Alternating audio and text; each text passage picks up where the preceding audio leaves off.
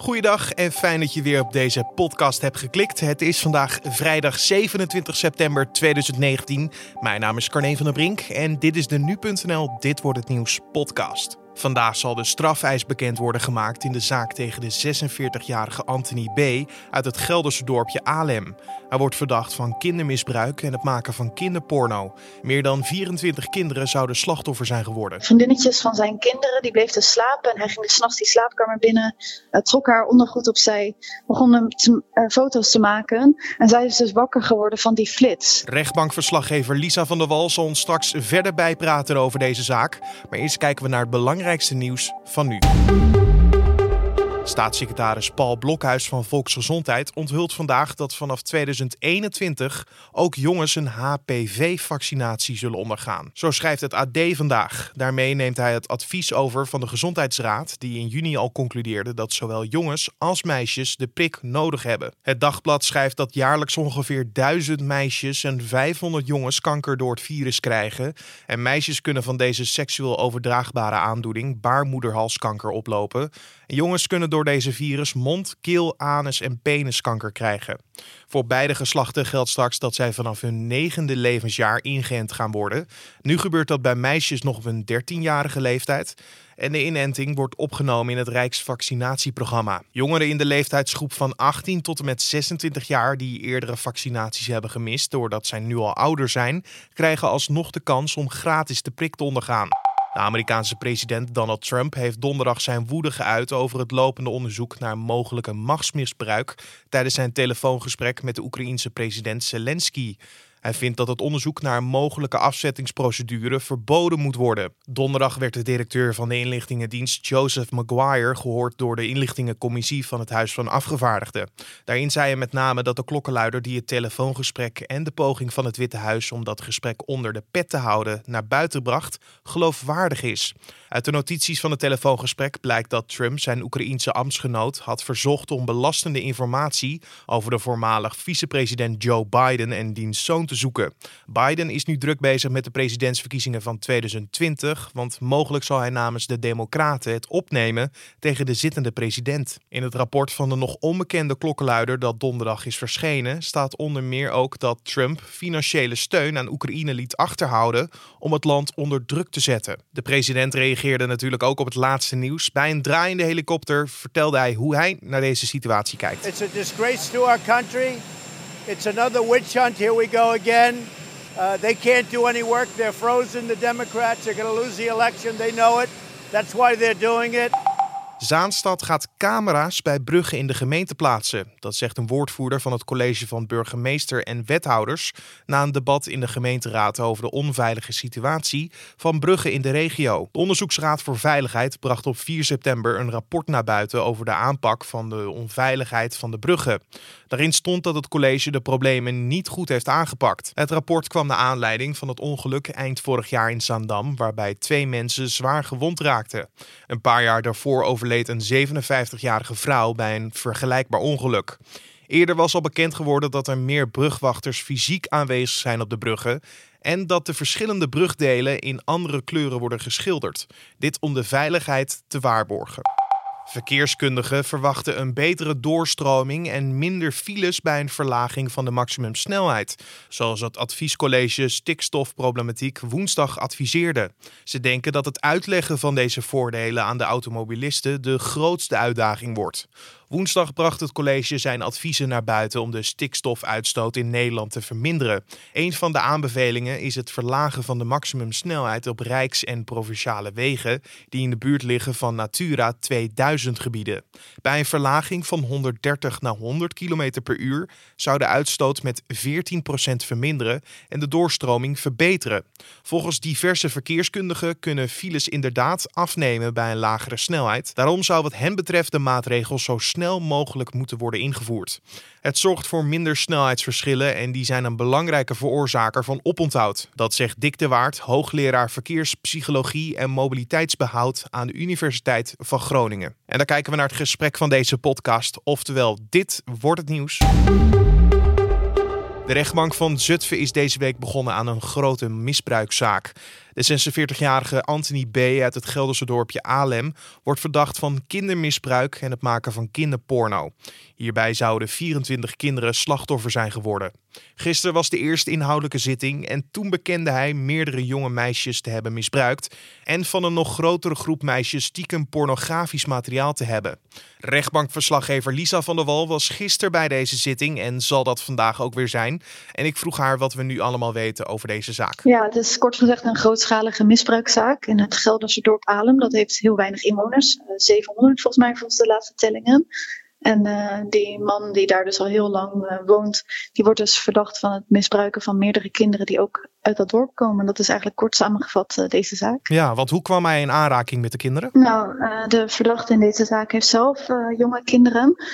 dus er is tijdens de zitting geschetst dat hij dus tijdens bijvoorbeeld slaapfeestjes uh, in aanraking kwam dus met vriendinnetjes van zijn kinderen. En dat hij dus bijvoorbeeld s'nachts uh, die slaapkamer binnendrong en zo dus foto's van ze maakte en ze aanraakte. Maar ik las ook dat, dat hij wel een actieve rol had binnen die kleine gemeenschap, toch? Ja, en ook daar zou hij in aanraking zijn gekomen met slachtoffers.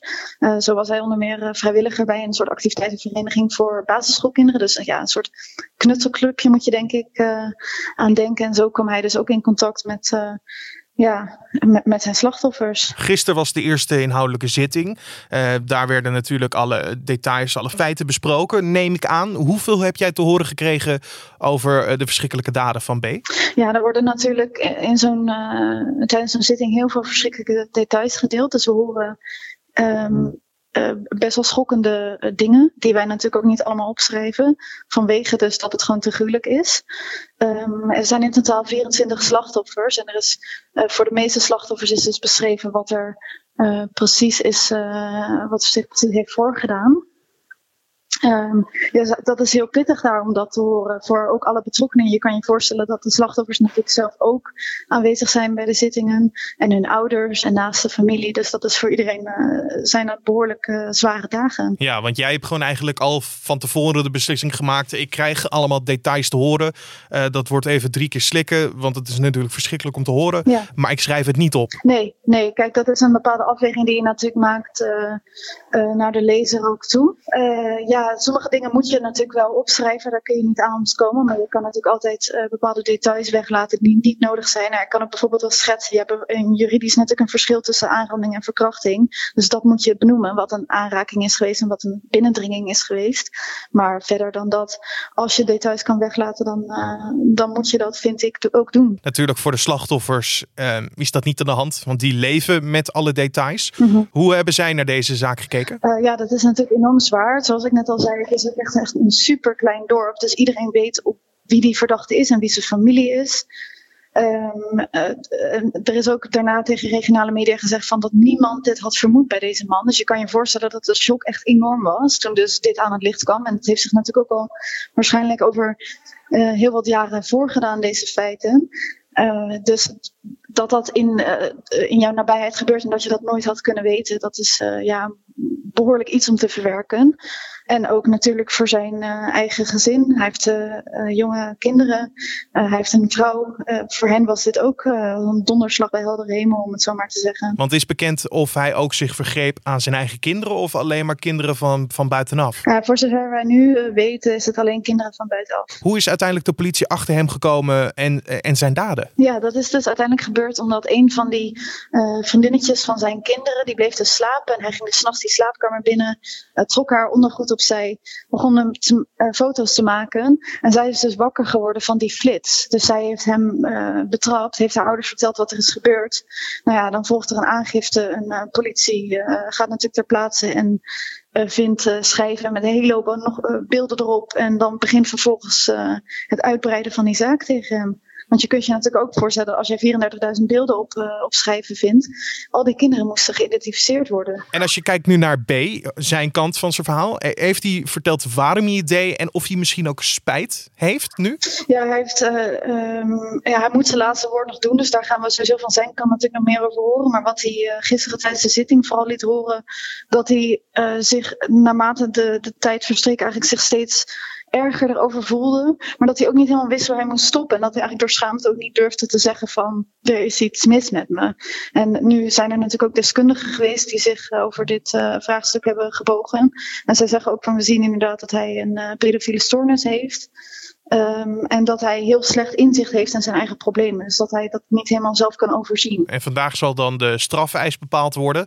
Uh, waar moeten we aan denken? Tientallen jaren celstraf of iets anders? Nou nee, daar zou ik zelf niet aan denken. Ik, ik vind het moeilijk om een, een, aantal jaar te noemen. Maar je kunt sowieso denken aan een celstraf. En maar ook zeker een, een opgelegde behandeling. En hoeverre dat dan TBS met voorwaarden wordt of een ander soort behandeling dat durf ik nog niet te zeggen, maar daar kun je wel vanuit gaan dat er een behandeling zal worden opgelegd, denk ik. Zoals ik al eerder zei, vandaag zal Lisa van der Wal ook weer voor nu.nl aanwezig zijn. Dus voor de laatste updates over deze zaak, volg de site en onze app vandaag. En dan kijken we nog even naar de nieuwsagenda van vandaag. De Hoge Raad doet vandaag uitspraak in de zaak van de Nederlandse niet-rokersvereniging Clean Air Nederland tegen de staat. De vereniging zegt dat het rookverbod in de horeca in strijd is met de zogenoemde kaderovereenkomst van de Wereldgezondheidsorganisatie voor de bestrijding van tabaksgebruik, omdat er nog wel speciale rookruimtes bestaan. Het gerechtshof Den Haag stelde Clean Air Nederland eerder op dit punt gelijk en noemde het rookverbod ongeldig. En vanavond presenteert Eva Jinek voor het laatst haar late night talkshow Jinek op NPO 1. Ze heeft een vierjarig contract getekend en is vanaf januari bij RTL op tv te zien. Ze gaat samen met Boven Dorens om en om de late avondshow doen, waarbij ze ieder een aantal maanden per jaar voor hun rekening nemen. En dan kijken we nog even naar het weer. Het weekend start bewolkt en regenachtig. Lokaal kan het ook nog gaan onweren of hagelen. Vooral het westen en het noorden van het land moeten zich schrap zetten voor slecht weer. En het wordt vandaag maximaal 18 graden. En om af te sluiten nog even dit. Vorige week waren wij begonnen met een nieuw idee voor de vrijdag. Ons leek het namelijk leuk om de week af te sluiten met bijzonder wetenschappelijk nieuws. Iets waarvan je denkt, huh? Of hoe zit dat precies? Iemand die alles begrijpbaar voor ons maakt is Thomas Krachten van de Nu.nl redactie. En deze week wil hij de vogelsoort de kou in het daglicht zetten. Deze week hebben we geleerd dat de kou, die kraaiachtige vogel. Die kan onderscheiden welke mensen gevaarlijk zijn of veilig zijn. En dat onthoudt hij. En hoe doet hij dat dan? Ze hebben uh, onderzocht door te kijken naar um, een, een, contact call. Gewoon een soort lokroep, zeg maar. Dus een mens die loopt op een uh, nest af. En dan spelen ze een geluidsteep af met een... Uh, of een, een, een waarschuwing. Een waarschuwende roep van een andere kou. Of een, een, een normale, rustige roep. En dat signaleert of die persoon veilig was of niet. En uh, daar reageren ze op. Maar is dit dan zo baanbrekend? Is dit compleet nieuwe informatie die we nu hebben? Nou, we wisten al dat vogels mensen onderscheiden. De, de, de pakieten van mijn vriendin, die houden van haar, maar die hebben een hekel aan mij. is dat iets persoonlijks, denk je? Ik heb geen idee, daar moet ik nog achter komen. maar we weten nu dus wel dat ze dat, die, dat onderscheid ook gebruiken om te leren en te onthouden of iemand specifiek gevaarlijk is of niet. En dat ze dat dus aan elkaar doorgeven. En wanneer is dan iemand gevaarlijk voor de kou? Nou, het idee is, een mens kan natuurlijk zowel een voordeel zijn als een nadeel voor een dier. In dit geval zou het een uh, gevaar kunnen zijn als hij het nest zou beschadigen. Maar het zou ook het voordeel kunnen zijn als hij voedsel kon brengen. Je hoorde Thomas Krachten met zijn wetenschappelijke bijdrage. En dit was dan de Dit Wordt Het Nieuws podcast voor deze vrijdag 27 september.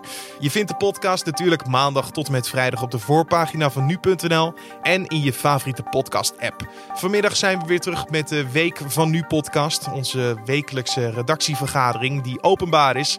Onze hoofdredacteur Gertjaap Hoekman gaat in gesprek met de redacteuren over het belangrijkste nieuws van deze week. Die kan je vanmiddag op de voorpagina en in je favoriete podcast-app vinden. En je kan ons natuurlijk laten weten wat je van deze hele podcast vindt. Dat kan je doen door een mailtje te sturen naar podcast.nu.nl of een recensie achter te laten in iTunes. Mijn naam is Carne van der Brink. Ik wens je een hele mooie vrijdag, een mooi weekend. Ga ervan genieten, dan doe ik dat ook. En ik ben er maandagochtend weer. Dus tot dan.